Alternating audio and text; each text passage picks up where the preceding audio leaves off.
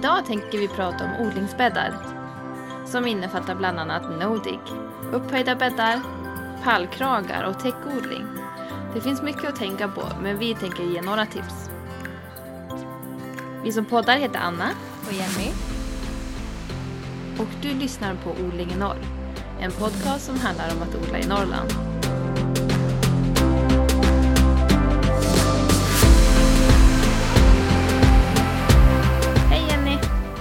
Anna! Nu är vi tillbaka Nu... och den här gången är vi tre. Ja! Alltså vi, vi bara måste börja och prata om det här, den tredje personen. Ja, faktiskt. Det var ju förra poddningen allting startade faktiskt. När eh, vi poddade för eh, två veckor sedan. Lite drygt, lite mer än två veckor sedan. Eh, då så fick jag mina första verkar. Ja, mitt under poddinspelningen. Ja, och jag sa ingenting till dig förrän efteråt. Jag bara, eh, Jenny, jag tror att jag hade några verkar. Ja, det var så otroligt spännande efteråt. Och under, medan vi poddade så märkte jag inte av det alls. Men sen när jag satt och redigerade podden, då märkte jag att du tog lite pauser mitt i. Åh herregud, jag tänkte att jag var diskret. Ja. Men så är man lite så chockad när man får de här första verkarna. Man bara, är det en verk eller inte en verk? Eller vad är det som händer? Ja. ja men, så nu har du... Du har ju såklart fått bebisen, du har ju inte fortfarande verkar.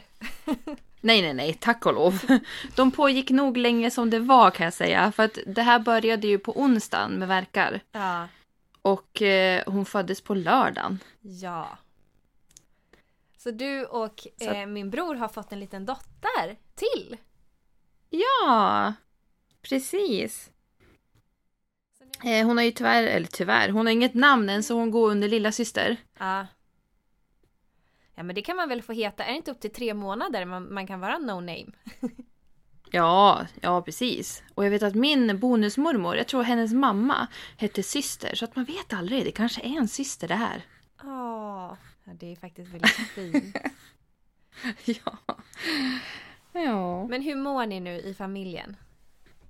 Ja men vi mår bra. Alltså jag njuter, Daniel är fortfarande hemma, Mm. lyxigt nog. Ja. Och jag verkligen njuter av det här, liksom hela familjen. Vi tar det lugnt, vi myser, vi hittar på saker med Cornelia. Och, och så hon är så himla snäll, den här snäll. Hon mår bra kan man säga. Ja. Eh, den här lilla. Så att eh, hon bara hänger med och bara är liksom. ja. Och, Det är så mysigt. och jag var ju faktiskt hemma hos er och barnvakt till eran äldre tjej. Ja, Cornelia. Så jag fick ju äran att se hennes välkomnande av lilla syster. Det var faktiskt väldigt gulligt. Ja. Fruktansvärt. Alltså jag vet inte, men hon var så himla uppspelt alltså. Hon var så hjärteglad. Ja. Nej men hon studsade upp och ner och sa liksom Min lilla syster, lilla syster Nea. Ja. Ja. Det är så gulligt. Hon skulle överösa henne med kärlek och pussar och Ja. Hon är jättesnäll stora syster. ja, det var superfint. So far, so far. So far so good. Ja.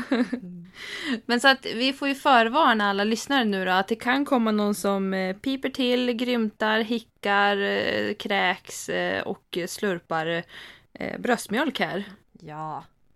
Det, det här är liksom en podd mitt i livet. Allt får hänga med. Allt som är med får vara med. Ja. Ja, precis. Och det är lite Det är så det fint. funkar. Ja men det är lite fint också att hon är med tycker jag. Ja, det är det. Ja. Det här ska hon få höra när hon är 20 år, att hon var med i en podd. Ja. Oj, oj, oj. Hon kommer skämmas då över mamma och, och faster. Ja, jag vet. Jag vet. Vad hemskt. Ja. Ja, gud. Men idag, Anna, har vi Mm. bestämt oss för att idag ska vi prata om odlingsbäddar. Ja, exakt. Och det är ju kanske grekiska för vissa, men eh, egentligen inte. Nej. Jag tycker att många, många av de här påminner om varandra i alla fall i hur, hur man bygger upp material och så vidare. Sen är den bara utformad i utseende på lite olika sätt. Ja. Ja, men, och jag tror att det är så lätt att man blir så nitisk och bara vill följa liksom, speciellt om man är ny så vill man få liksom, nästan ett recept som man följer till punkt och pricka för att få den perfekta odlingsbädden. Um, eh, ja. Och då kan man bli bara, ha okej, ja, men här står det att det ska vara löv och på ett annat ställe står det att det ska vara kvistar. Vad ska jag lägga i min och hur ska liksom, vad kan man ha där och vad kan man inte lägga i och Ja men alltså om man kanske inte får tag på vissa grejer som alla andra får tag på jättelätt, hur gör man då? Ja. Finns det något annat man kan ta? Ja. Ja, det, ja, vi får beta igenom lite här. Ja. Ja men om man bara börjar så här, alltså absolut basic och ner till liksom grund, grund, grundnivå. Så en odlingsbädd, det vill man ju ha för att man ska odla i den. Och i sin mm. odlingsbädd så vill man ha liksom bra förhållanden för sina växter. Det, ja. det är liksom det det utgår ifrån. Och där vill man ha, alltså i sin odlingsbädd så vill man ha ett bra substrat. Alltså någonting som eh, växterna kan växa i. Man vill att det ska finnas näring. Man vill att det ska finnas luft också för rötterna vill ha syre. Mm. Eh, och sen så vill man även att det ska kunna finnas vatten där. Så att de liksom kan eh, få vatten såklart. Ja. Men sen var det här kommer ifrån, det kan vara väldigt, väldigt olika. Du har ju Precis. till exempel i ditt växthus så har ju du odlingsbäddar som är fyllda eh, med sand till exempel. Ja, exakt. Nu ska jag ju, någon som hängde med i fjol vet att jag bytte ut min sand just i år då. Men, men ja, det är sand. Mm. Och där så tillför... Så det, ja men och där så tillför ju du eh, näringen med hjälp av gräsklipp eftersom sand är lite näringsfattigt. Precis. Men sand är ju å andra sidan bättre i många andra hänseenden. Just med, med ogräs och eh, det sägs ju också att det ska vara bättre för eh, vattningen och det. Ja men precis. Och framför allt, alltså varför jag är sån fan av sand, speciellt i växthus, det är för att det verkar som att det är mycket lättare att odla tomater på samma ställe år efter år när man har sand. Förlåt. För att det blir inte lika mycket sjukdomar. Nej men precis, jorden. och så behöver man inte byta ut jorden. Nej. Eller sanden, som ja. man gör med jorden. Ja men precis. Om man vill odla samma sak där. Man behöver inte byta ut den, men då måste man ju odla olika saker. Ja, precis. Mm. Men Anna, vad har du för eh, bäddar hemma hos dig? Eh, ja, men du nämnde ju där då i växthuset att det är sand. Ja. Eh, sen så till perennrabatten som jag anlade i fjol. Ja. Så gjorde jag en, eh, om man säger en, eh, en bädd man bygger på marken. Inte gräver utan eh, direkt på gräsmattan byggde mm. jag bäddar. Mm. Eh, och då... Eh, är det, den är inte jättehög, men, men i alla fall. Där trivs blommorna. Och nere i landet så har jag eh, grävda bäddar. Som då kallas för djupbäddar. Mm. Um, du har ju ändå haft eh, i Stenberg, innan, nu innan du flyttade, ja. så hade du ju några bäddar. Ja, precis. Alltså jag, tidigare har jag odlat i pallkragar, jag odlat i krukor och eh, Ja, även på friland. Och i fjol gjorde jag ett friland. Eh, grejen var att vi skulle bara bo där i, i ett år. På det stället och odla där. Så att då ville vi inte Alltså när man gör såna här, vad ska man säga, fasta bäddar, no dig med kartong och sådana saker. Så det, allting vill man ju kanske inte odla där första året. Mm. Så därför gjorde vi ett så traditionellt land kan man säga. Eh, ni vet när vi, vi fräste upp landet, alltså vi plöjde det, harvade det fyllde på med massa eh, gödsel och sen så bara grävde vi ordning de bäddar som vi ville ha där. Mm. Och det var... Ja, men det var för att just det året så passade det allra bäst och det var det enklaste. Och ibland så får man vara lite bekväm också tycker jag. Ja, så är det. när du nämnde det, jag har ju också pallkragar och jag tänker nu när du flyttar till Sörtjärn, vad eh, kommer du ha där? Ja, där kommer jag ha... Eh, det kommer nog både bli friland. Framförallt så ska ju du och jag ha ett stort potatis och lökland. Ja, oh ja, det måste vi ta upp större. Ja, och det blir nog... Eh, Det- I alla fall till att börja med kommer det nog bli så att vi gräver egna djupbäddar. Ja, Eh, och sen så på, i min köksträdgård så kommer jag i år faktiskt nog köra på pallkragar och på... Jag kommer bygga några större odlingsbäddar också. Mm. Men det är för att vi flyttar in i början av juni så att det blir ju en kort säsong eller vad man ska säga. Så därför tänker vi att vi använder det som finns där och i dagsläget så står det jättemånga pallkragar där. Så att vi tänker att i år får vi liksom bara landa och känna av tomten och använda oss av det vi har. ja men känna in vart, hur går solen, vilka förhållanden har jag här och vad är det bäst Ja, ställe att odla på. ja. Ja men verkligen. Och sen är det ju ändå, vi ska ju dit med en odlingstunnel och det är liksom massa andra saker som ska göras och rabatterna ska gräva ordning och så. Så jag tror att det, det kommer finnas jobb ändå. Ja, oh ja. Man måste ju börja någonstans. ja. Men du har väl börjat med dina bäddar? Visst var det så att du har liksom tänkt omvandla dina djupbäddar till mer no-dig eh, och täckodling? Någonting däremellan? Ja, men precis. Så det jag håller på med är ju att mata de här bäddarna för att de har ju ändå ätits upp om man säger lite grann. Eh, jag fyllde ju på med bark i gångarna i fjol så då grävde ju Daniel så fint med grävaren mellan bäddarna. Ja, just det. Gjorde världens eh, snabbaste och grövsta ogräsrensning kan man säga. Ja, ja. Eh, och eh, vi la ner duk och eh, fyllde med bark. Ja. Så vi har barkgångar. Det var jättefint och jättebra. Men Ja. man ser ju att bäddarna är ju liksom nästan jäms med det här barken nu. För då, dels har ju de ätits upp då lite grann. Eh, och eh, det vart ganska hög nivå med bark. ja. Så att det jag tänkte nu är att mata de här bäddarna för jag vill ha dem högre. Mm. Och fylla på med mer organiskt material och förbättra och så vidare. Så att det håller jag på med nu och mata, mata, mata. Mata, mata, mata. Det låter ju Mm. kanon. Kommer du ut och öka någonting i år eller kommer du köra ditt land som det är? Ja men herregud alltså.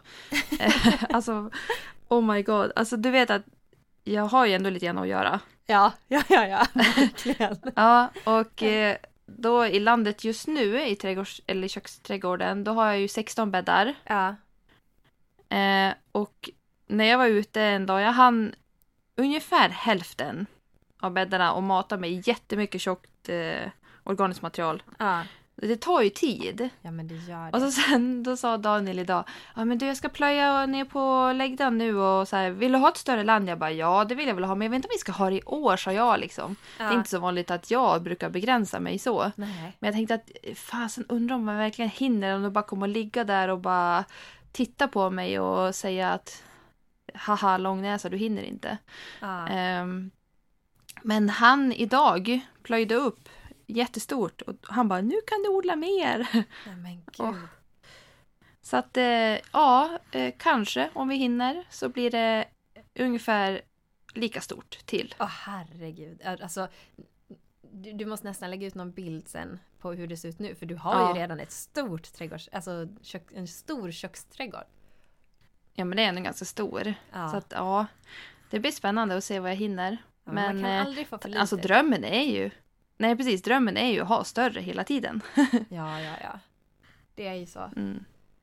Ja men vad kul, jag kanske får lite växter över idag så då kanske jag kan eh, Kan du få adoptera lite av mina?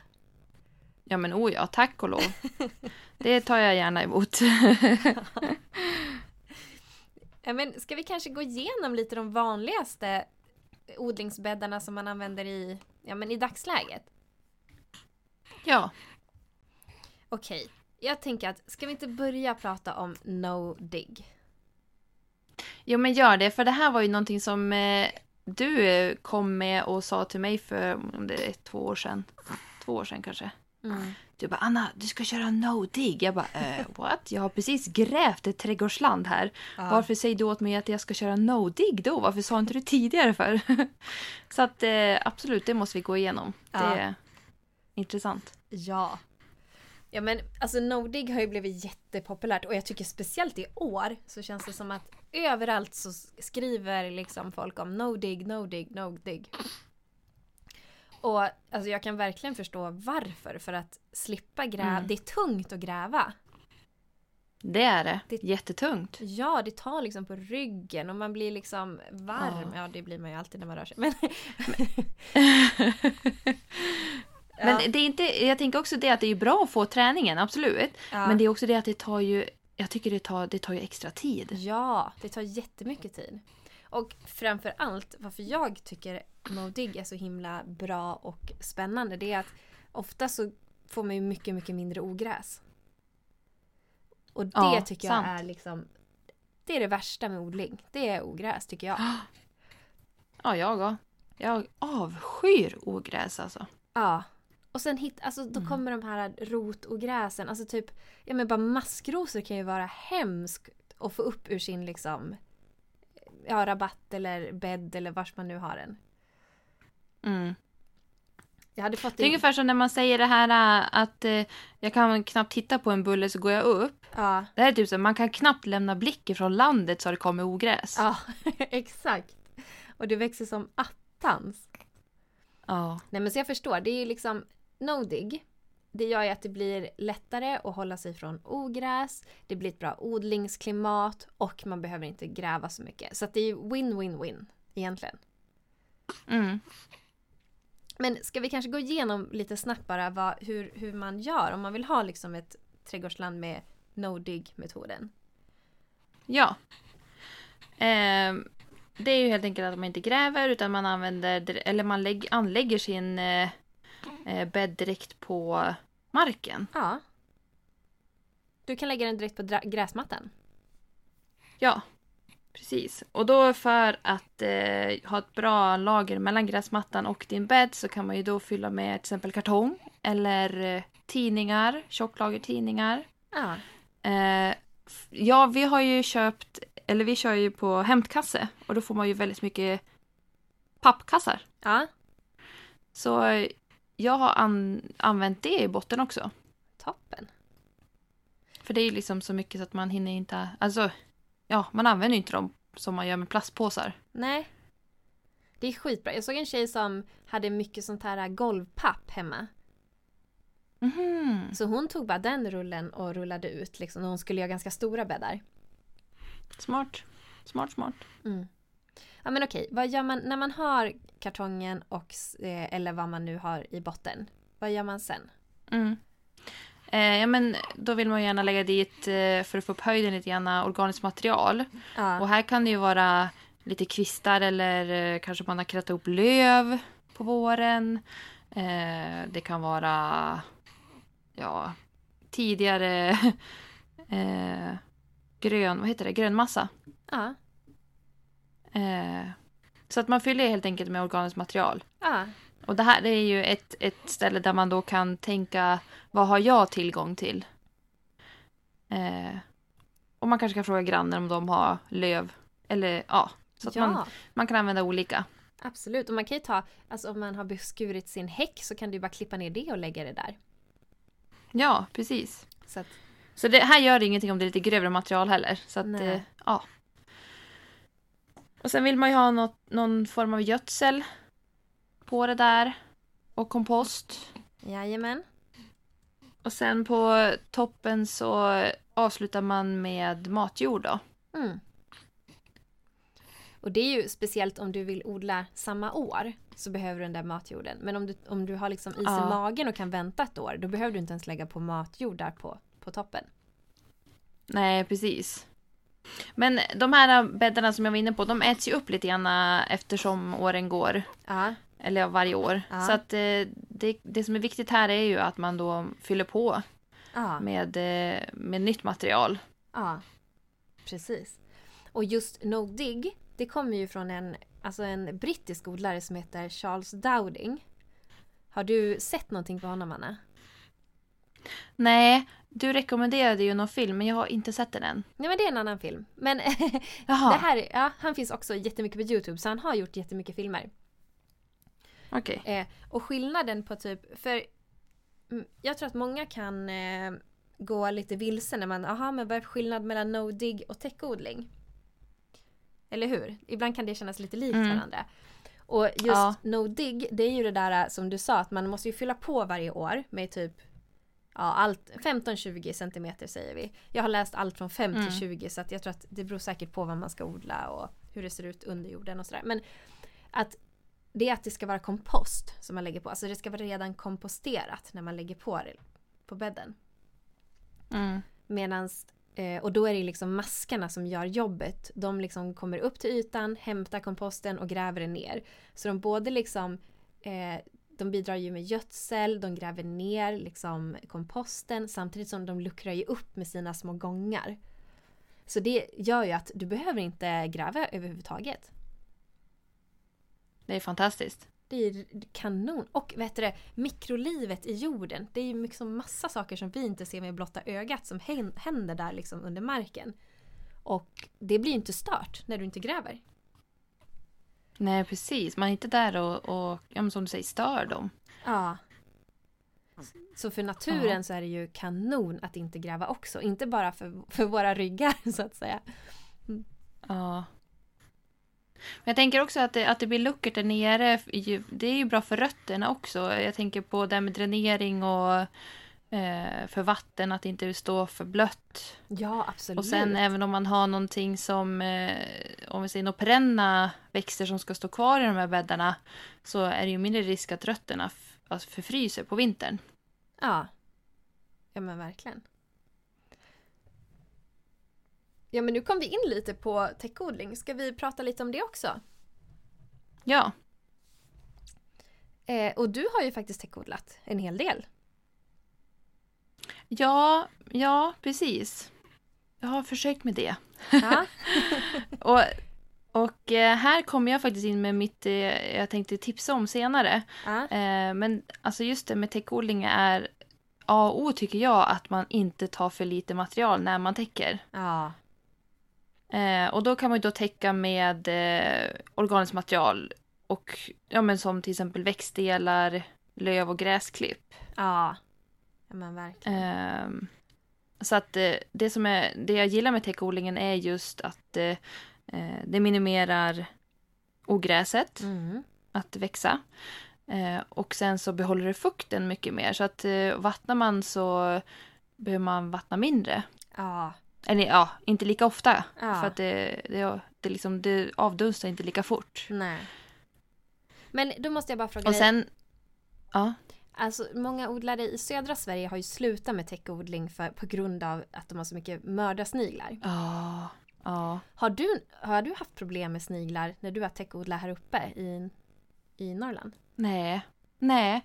Alltså, jag har haft... Eh, ja men eh, ganska eh, mycket täckt i början liksom och, och haft sallad och så här. Men jag har inte liksom... Jag tror knappt att jag har sett några sniglar i min köksträdgård. Nej. Jag kanske har tur. Jag vet inte. Du har inte sett några än. Nej, precis. De har bara inte hittat ner till mitt land. Nej, de, de, de går inte så jättesnabbt. Nej, De precis. kanske är på väg. Eller så är det mina myskankor som liksom håller dem eh, i schack, ja, jag säga. det. De är ju riktiga liksom snigeljägare. Ja, exakt. Ja men det är toppen. Och där vill man ha mer inspiration om täckodling så är väl Sara Bäckmo är väl den som är expert på just liksom täckodling. Ja, alltså det var ju bara nu innan då jag skulle läsa lite så här, fräscha på lite grann. Eh, så är det ju henne man ser dyker upp på hela internet när Ja. man googlar. Så där finns det ju jättemycket att läsa. Sen kan jag, jag vet faktiskt inte om det är, jag tror att många gör bäddarna ganska likt no dig när man gör täckodling. Att man, fast istället för att lägga kompost så lägger man liksom färskt material. Alltså gräsklipp, löv, ehm, ensilage, hö ovanpå bara. Precis. För det jag tänkte tillägga är ju också att det ger ju näring. Ja. Men om vi går in lite mer på upphöjda bäddar. Och liksom, det, vad ska man säga? Jag tycker ibland att det, det kan liksom gå in i varandra lite det här med djupbäddar, upphöjda bäddar. Ja. No dig och det finns ju några hygelbäddar också. Alltså jag tycker att de går väldigt mycket in i varandra. Ja. Nästan typ same shit different name. Ja. Men när vi pratade tidigare idag, du och jag, så du definierade det ju som att upphöjda bäddar var någonting man la typ ovanpå gräsmattan eller liksom när man byggde bäddarna Ja, ovanpå precis. någonting. Någonting som redan Ja. är befintligt under. Och Ja, djupbäddar så... och det är ju lite grann no-dig där också. Liksom att, att eh, eh, det, det man kan säga är likt mellan de här det är att det är en bädd. Ja. Eh, sen hur man gör bädden, det är det som skiljer sig då. Eh. Upphöjda bäddar sker direkt på marken, no-dig direkt på marken. Eh, djupbäddar, då gräver man fast man gör bäddar eh, i det man har grävt. ja men i den befintliga matjorden eller leran eller vad man nu har. Ja. under. Så när man gör djupbädden så använder man ju dels den jord man gräver upp och man tillför även eh, organiskt material för att bilda de här bäddarna. Ja. Precis. Och det är så både du och jag har gjort nu när vi byggde, eller när jag byggde mitt trädgårdsland i fjol och som du har byggt dina bäddar eh, Mm. gården. Precis. Och det fina är ju att jag tänker att det är kanske ofta så man börjar sitt trädgårdsland. Alltså att man har grävt upp ett Ja. land och där har man det. Och har man redan ett sånt så behöver man ju inte liksom flytta och börja, nej men nu vill jag köra no dig istället. Eh, och att man då liksom tänker att man måste göra det på något annat ställe på gräsmattan. Utan man kan ju bara på sina bäddar till exempel, speciellt om vi säger att det är hänt som för dig, att de är sjunkit ner som är nästan i marknivå. Då kan man ju om man vill lägga på, speciellt om man har problem med mycket ogräs, då kan man ju lägga på kartong på bäddarna. Och sen så bygger man Mm. den här bädden som vi precis beskrev tidigare med organiskt material och kompost och eventuellt lite jord uppe på. För att sen när kartongen har förmultnat så kan ju rötterna leta sig ner i bädden under också. Så då får du en jättedjup bädd. Så att det går ju ganska lätt att ställa om om man känner att man vill ändra helt liksom. Ja, precis. Det är det som är lite roligt med trädgård också, att det, även om man har lagt ner mycket jobb och gjort det fint så går det ju alltid att ändra. Alltså Ja. man kan ju ångra sig. Ja. Och man kan prova sig fram. ja, vad som passar en själv, vad man tycker är det bästa. Ja. Men pallkragar då? Det måste ju vara det som har varit det mest populära de senaste, ja vadå, tio åren i alla fall. Ja, ja, alltså oj, pallkragar känns som att det är... eh, Det finns någon sån nästan i typ alla trädgårdar. Ja. Ja men det det. Men det som, är, det som är bra där är ju väl att man får en begränsad, liksom, man har materialet i den här kragen så att säga. Så att det liksom... eh, Ja, det begränsar på något vis. Jag tror många gillar det och det Ja. ser snyggt ut. Ja. Ja men verkligen. Det blir tydliga ramar och man kan göra de här snygga köksträdgårdarna där man har grus runt eller man har täckbark. Men Anna, hur har du eh, förberett dina pallkragar som du har nere i köksträdgården?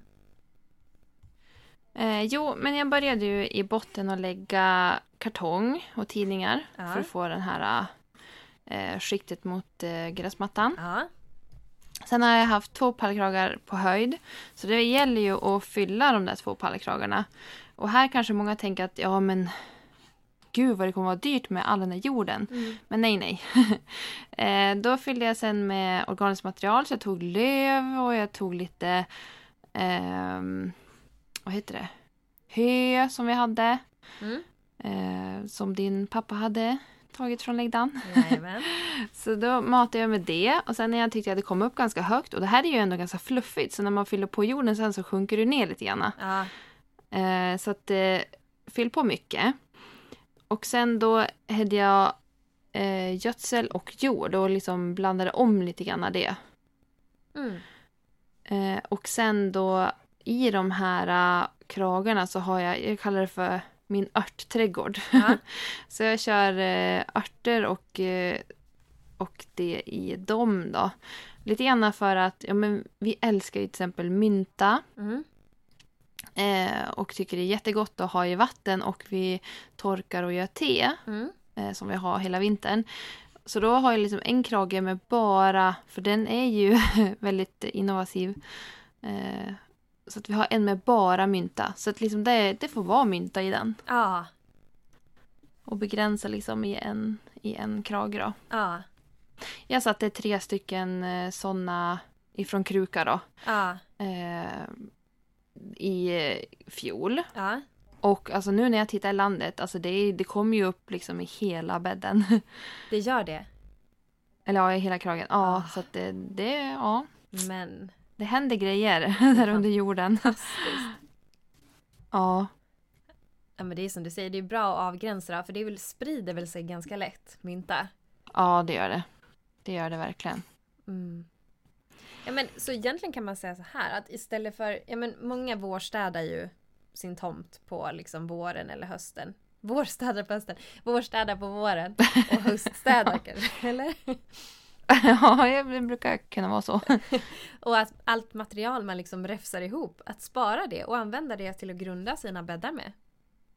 Ja, det var bara här om veckan då sa mamma att ja, men eh, vi ska åka förbi mormor och hämta lite löv hon har i några säckar och så ska vi köra det på återvinningen. Jag bara nej, nej, nej, kör förbi mig och så kan ni lämna av det här istället. Perfekt! Jag tar mer än gärna hand om det.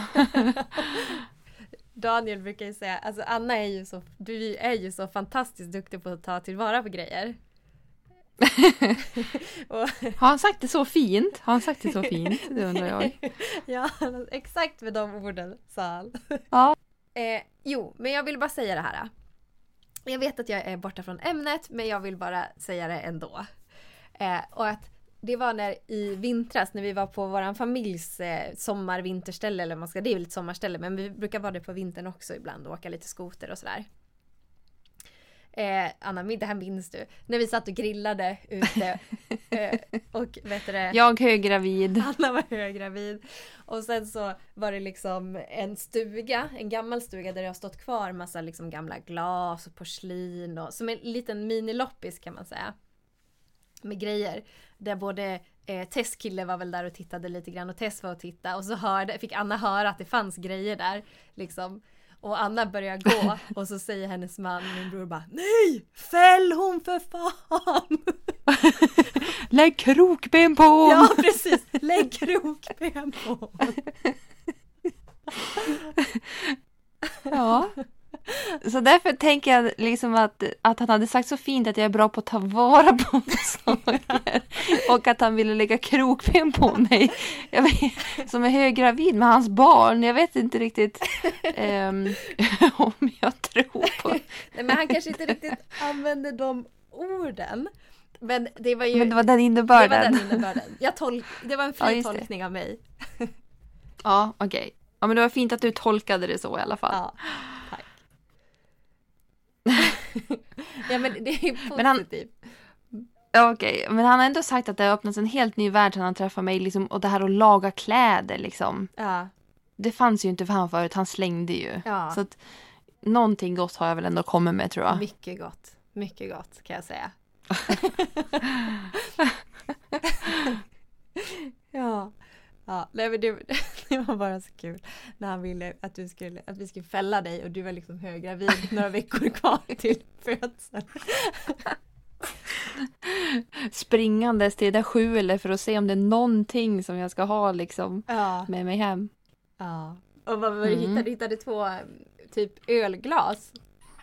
Ja, men jag vet inte vad det var för typ av glas, men det är två jättekupiga stora glas och det är väldigt fin kupa. Ja. Det är som ett vinglas fast jättestor kupa och väldigt lågt eh, benfot, väldigt kort fot liksom. Ja. Och de är så mungod att dricka ur. Ja. Alltså, jag känner mig som världens prinsessa när jag sitter med det där. Ja. Och det, liksom, nu har jag bara druckit alkoholfritt då, men det går in liksom hur mycket som helst i de där glasen. Det är rena drömglasen. Ja. ja, perfekt. Jag, jag Ja. längtar tills jag får bli bjuden på en drink av dig i de där fina glasen. du vet, du behöver bara en, så pass stor är den liksom. Ja, du. Det är perfekt. Ja. Det är perfekt. Ja, men ska vi gå tillbaka till ämnet? Ja, vi gör det. Vi, vi får ha ett nytt avsnitt där vi pratar om kanske saker man kan göra i trädgården för att lägga, lägga, hälla i glaset. Ja, precis. Drickbart från trädgården. Så kan jag få dra den där anekdoten en gång till. Ja, Det vill vi höra en gång till. Ja men det här med hugelbäddar har också liksom flugit förbi mitt flöde ganska mycket senaste tiden. Ja, men man såg även det om jag inte minns fel på, eller kanske gjorde mer en hygel em, kompost av något slag. Men eh, jag får att de nämnde hygel i alla fall på trädgårdstider. Okej. Om det var det Tarek, nej jag kommer inte ihåg. Skitsamma. Eh, men hygelbäddar är ju i alla fall att man odlar Alltså man gör, bygger en limpa kan man säga. Den är mer så här, du vet, kullformad. Ja. Eh, och eh, där i botten, i mitten av kärnan man säger, man drar den här halvcirkeln, snittar den liksom, det som är i kärnan där i mitten. Det är riktigt grovt material kanske man kan då säga. Eh, det Ja. kan vara stockar till exempel, träd, Mm. eh, större grenar och så vidare. Ja. Eh, och sen då matar man då med, med eh, löv och gräsklipp och kompost och slutligen jord Mm. längst upp på limpan. Mm. Och gärna att man kanske har lite platt uppe på limpan just för eh, vatten och sånt, att det inte bara rinner av. Ja. Eh, men eh, annars så kan man ju odla även i, i sluttningarna om man säger. Då kan man få en ganska fin eh, limpa. Perfekt. Kanon om man vill bli av med någon gammal stock som ligger på tomten och skräpar. Ja.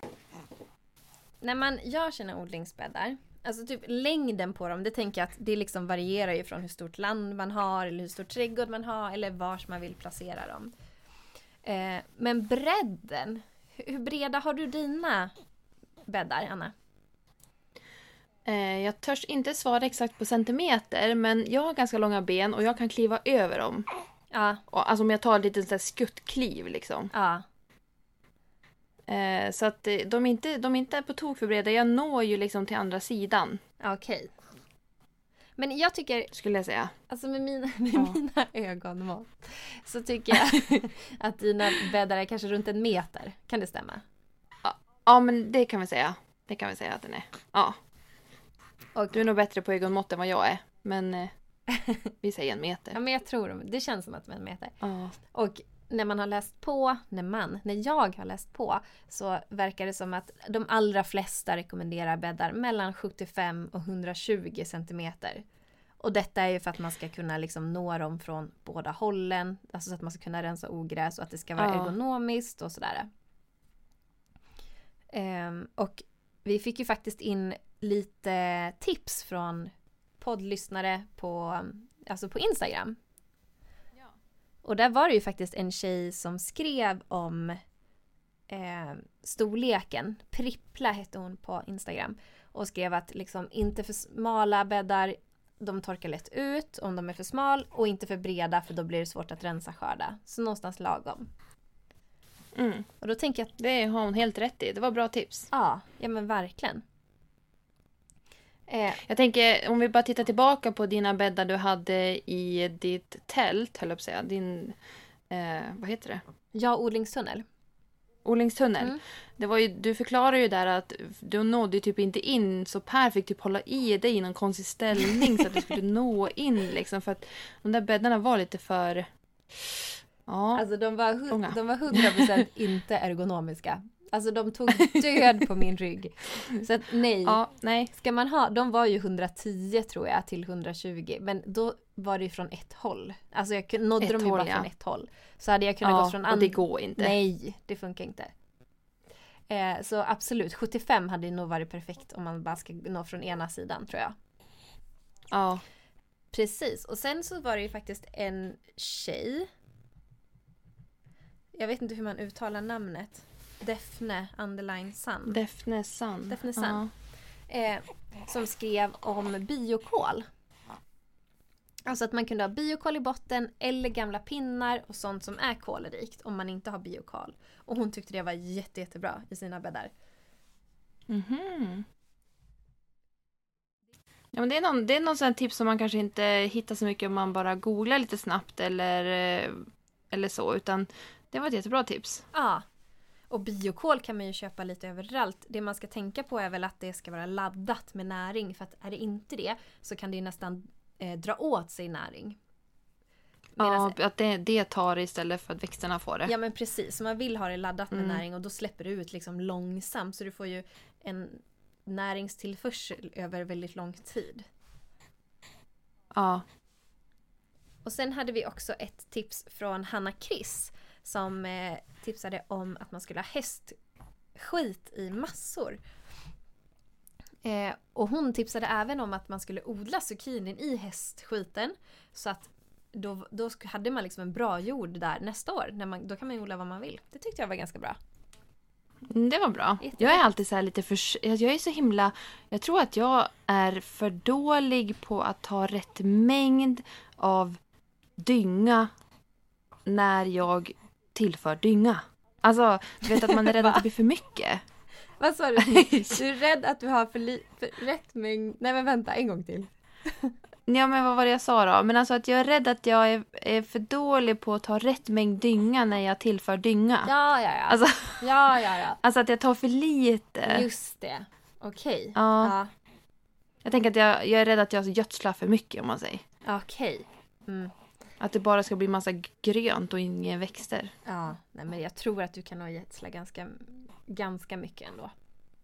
Ja, men då ska jag ta hem mycket från grannen. Ja. Och just typ så här zucchini, gurka, de som tillhör den familjen liksom. Även kolplantor älskar ju Mm. gödsel så där kan man ha väldigt mycket. Mm. Det är många Ja, jag som... ska inte fega i år. Nej, många sätter ju pumpa och zucchini direkt på liksom eh, gödselstacken nästan. Ja. Eh, men Anna, har du något tips då som du vill dela med Ja, men det har du sagt förresten. ja, men jag har ju använt mitt redan så nu vill jag höra ditt istället. Okej. Men mitt tips det är eh, standardiserade bäddar. Alltså att man har en Mm. viss, om du har ett trädgårdsland, istället för att köra ena bädden 75, andra 120 bred, nästa kanske 110. Så tänk att man har liksom, och gärna kanske lika långa också. Lika breda, lika långa. Ja, där kan man ju tänka att om man är ute efter en estetisk trädgård med, med liksom variation och det ska liksom ge ett intryck, då kanske det fallerar där då egentligen. absolut. Jo men det gör det. Nu, nu tänkte jag mer kanske så här i en... Ja, ja men det är sant. Men om vi säger att man vill ha liksom massa bäddar för att odla grönsaker i och kanske inte, inte Mm. lika mycket det estetiska. För det estetiska då kanske man vill leka med former och runda former och, och trianglar, alltså alla möjliga former.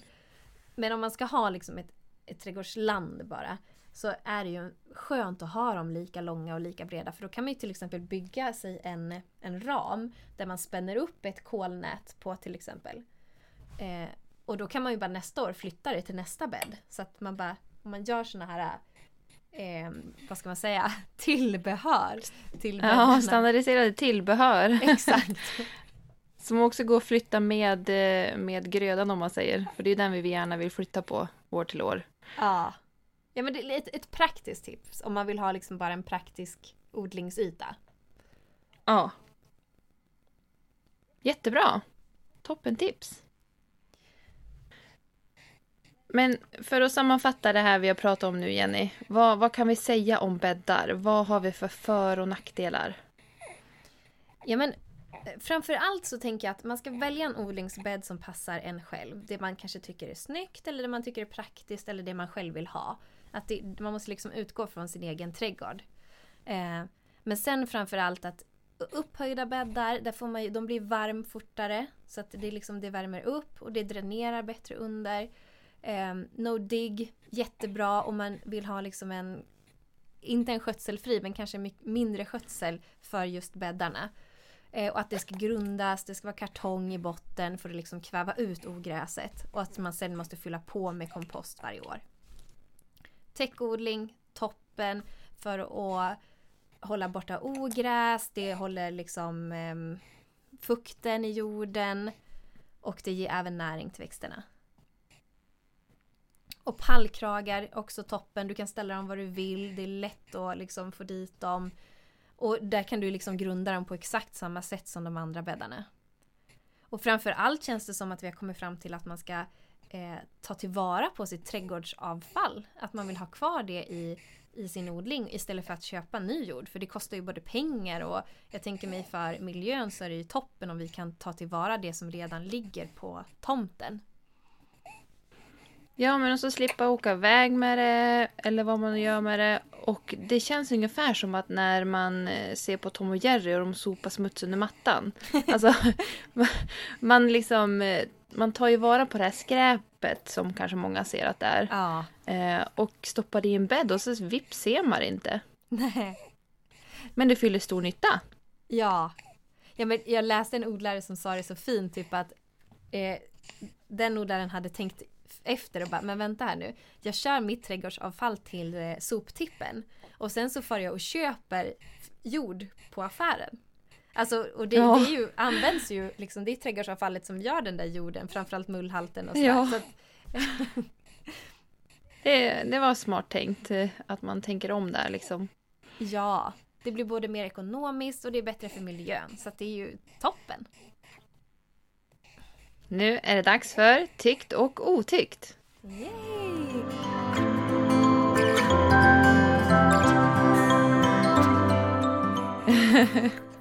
Den här spännande, vad heter det, eh, inslaget i våran podcast. Ja, mycket spännande. Jenny, jag vill höra vilken är din tyckt? Min tyckt.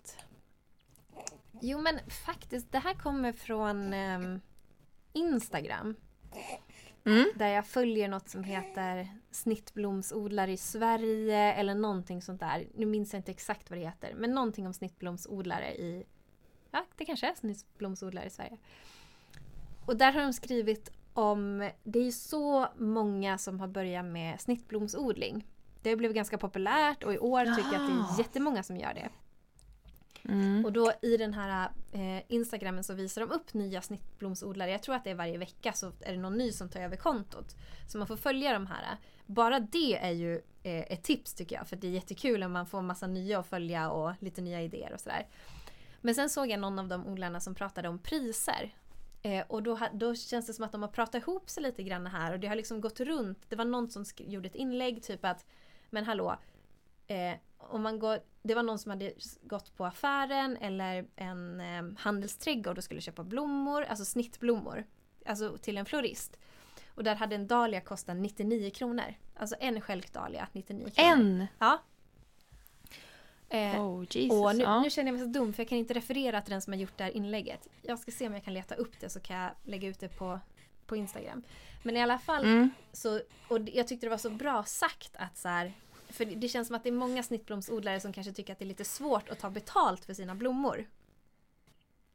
Och att det är liksom eh, att man måste tänka om där. Eh, var väl liksom kontentan av det här eh, inlägget. Att liksom kolla här, det kostar, mycket kostar det hos floristen. Vi måste också ta betalt, våga ta betalt för era blomster. Och att det känns som att många snittblomsodlare har hängt på det där och liksom har fått lite mer yrkesstolthet i det och bara men hallå jag måste faktiskt ta betalt för mina blommor. Alltså bra betalt. Och nu menar jag inte att man ska Ja. ta oskäligt för mycket betalt men man måste ju få liksom ner pengarna eller få tillbaka pengarna för liksom allt arbete som de här odlarna faktiskt har lagt ner på sina blommor. Ja, det är, det är ju typ av hantverk här också. Liksom att, att få fram de här blommorna och att de ska bli fina och ska vara ja, men välskötta och allting. Så Ja, det är mycket tid och, och pengar och engagemang i varje blomma. ja Eh, så att det är klart att man får ju inte skänka bort dem bara. nej. Om man nu ska ha. Nej men Eh. precis. Och det tyckte jag var så tyckt. Att det var så eh, fint att Instagram kunde liksom användas på det sättet att liksom många snittblomsodlare kom ihop och kunde liksom dela erfarenhet med varann och de verkar vara väldigt härligt gäng de jag har sett liksom. Och Mm. promota varandra och eh, stötta varandra i det här liksom. För det är ganska nytt det här med slow flowers. He, va? Kallas det så? Ja. Slow, Slow. slow flowers. Att de Flow. Slow, sakta på engelska. Jaha, jag sa slow först men sen lät det som att det var flow. Flow. men okej, slow flowers. Ja. Ja, Eh, och att det är liksom okej. att det är närodlat och man måste ju odla i säsong och sådär. Så att, Mm. mm. Det var min Fint. tyckt. Vad, vad har du Anna? Vad är din tyckt för veckans podd? Ja, men jag har väl två ganska mesiga jämfört med, med din då. Men den ena är att jag är ganska nöjd över att mina tomater verkar ha repat sig Mm. någorlunda efter näringsbristen. Ja. Eh, jag for ju och köpte flytande näring Ja. och eh, matat dem lite så här måttligt, lagomt mycket. Mm. Eh, och jag tycker de ser finare ut. Mm. Absolut på bladen. Ja. Ehm, och sen kan jag bara tillägga där att jag testade de, de här två senaste dagarna, i alla fall här, har vi haft lite kyligare. Det har inte varit de här pangsoliga dagarna. Utan det har varit molnigt och lite regn och så här. Ja. Men jag testade att ta ut en tomat i förrgår i växthuset. Jag har ingen värme. Jag har ganska högt i tak i mitt växthus. Ja. Eh, men min, eh, min försökstomat, den lever. Oj! Och den ser frodig ut, att- eller? Ja men, ja, men- ja, men den, den, har inte, den, den har ju inte dippat. Nej. Alltså den, den står som den stod när den stod i källaren. Ja. Så att det, det kändes också lite roligt liksom att jag tog det bara så här, ja men jag, jag testar. Och så sen så har, den, har det gått bra. Ja. Eh, sen vet jag inte om jag är modig nog att ta ut alla än. Mm. Eh, då kanske jag slår på värmen istället. Men eh, i alla fall. Eh, så det är en liten tykt. Och den andra lilla tykta är att min prännrabatta som jag gjorde i fjol Mm. med kanske lite väl lite eh, jord i den bädden. För jag hade mer plantor än vad jag hade räknat med. Så att, eh, den är liksom lite tanig så här. Jag ska fylla på den i år. Men de har överlevt. Och det börjar bli jättefint och grönt där. Eh, så det känns roligt. Vad kul! Mm. Det var ändå... Sen har jag bara en liten, eh, liten eh, vad ska man säga, en ångväll till tvååring som typ, hon bara mamma titta, gå på blommor, gå på blommor. Så bara nej, du ska inte gå på blommor. Jo, måste gå på blommor. Vad säger hon det?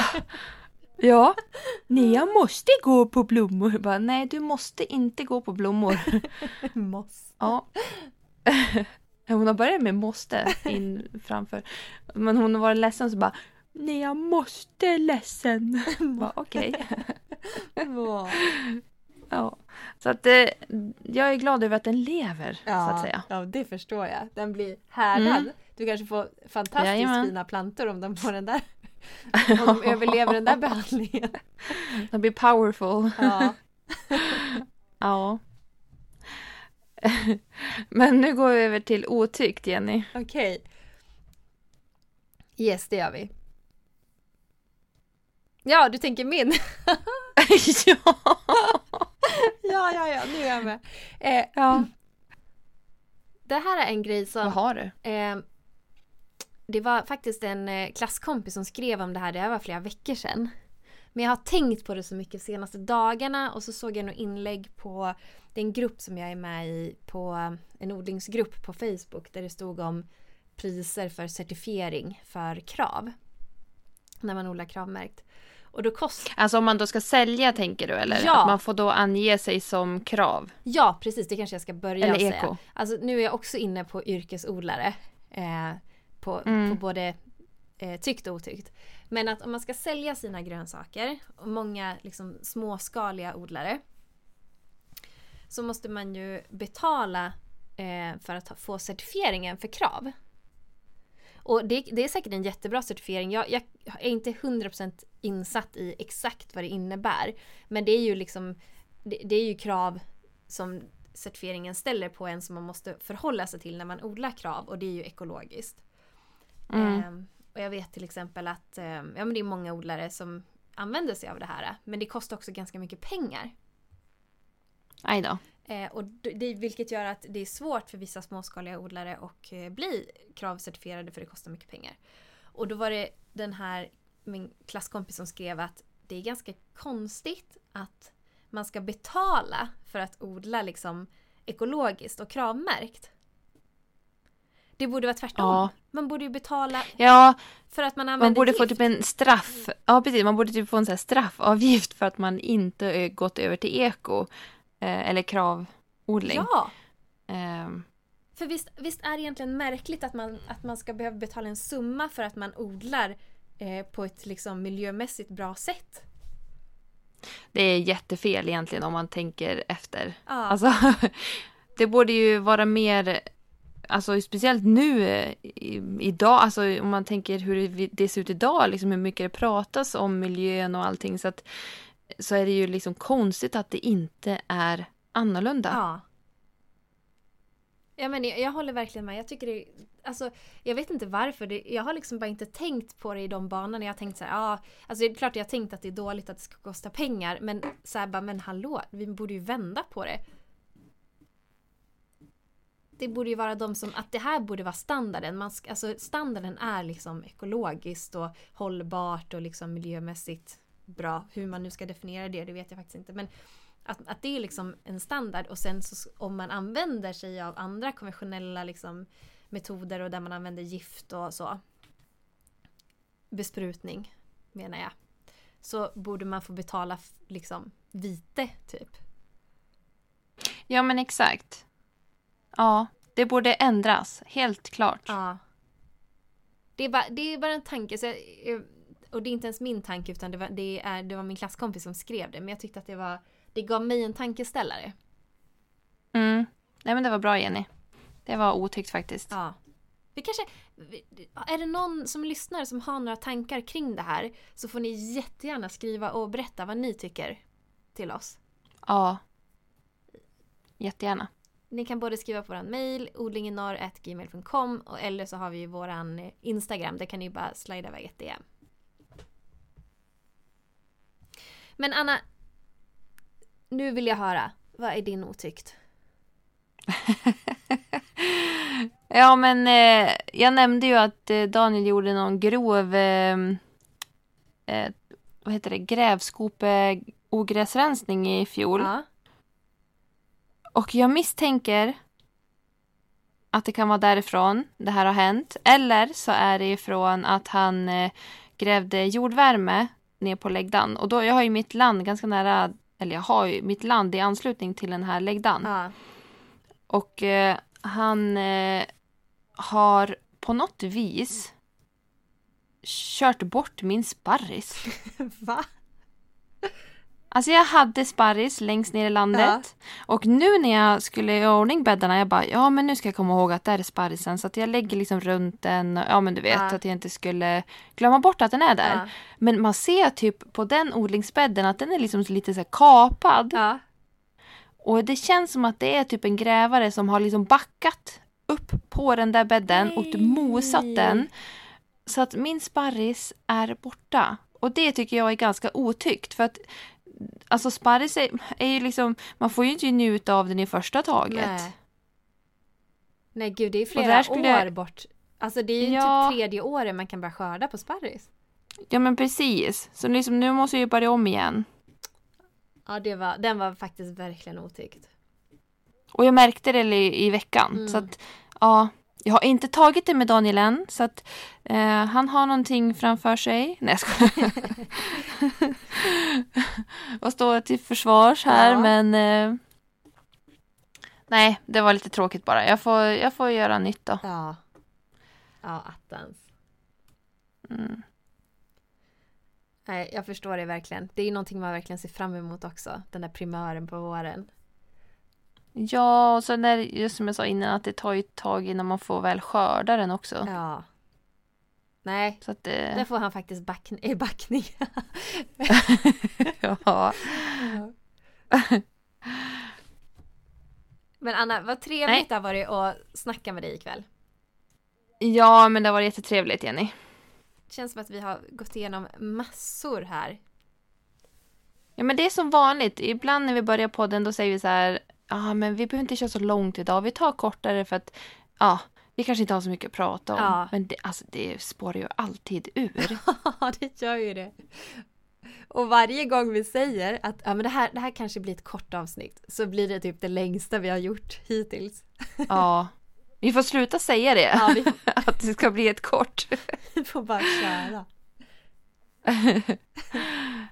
Ja, men jag, jag, vill bara tillägga igen att jag eh, varnar för eh, bebis i bakgrunden, höga andningar och så vidare. Så det är inte jag som sitter och flåsar den här gången, för nu är jag inte gravid längre, utan det är barnet som flåsar. Um, ja, men, och det tycker vi är helt okej, eller vi, nu talar jag för alla lyssnare. Tack Jenny. I alla fall. Ja, men jag, jag tycker att det är helt okej och jag tycker det är fint att hon är med. Vad bra. Mm. ja men tack för idag. Tack själv. Vi hörs. Vi gör det. Ha det så bra Ha det allihopa. gott. Hej då! Hej då!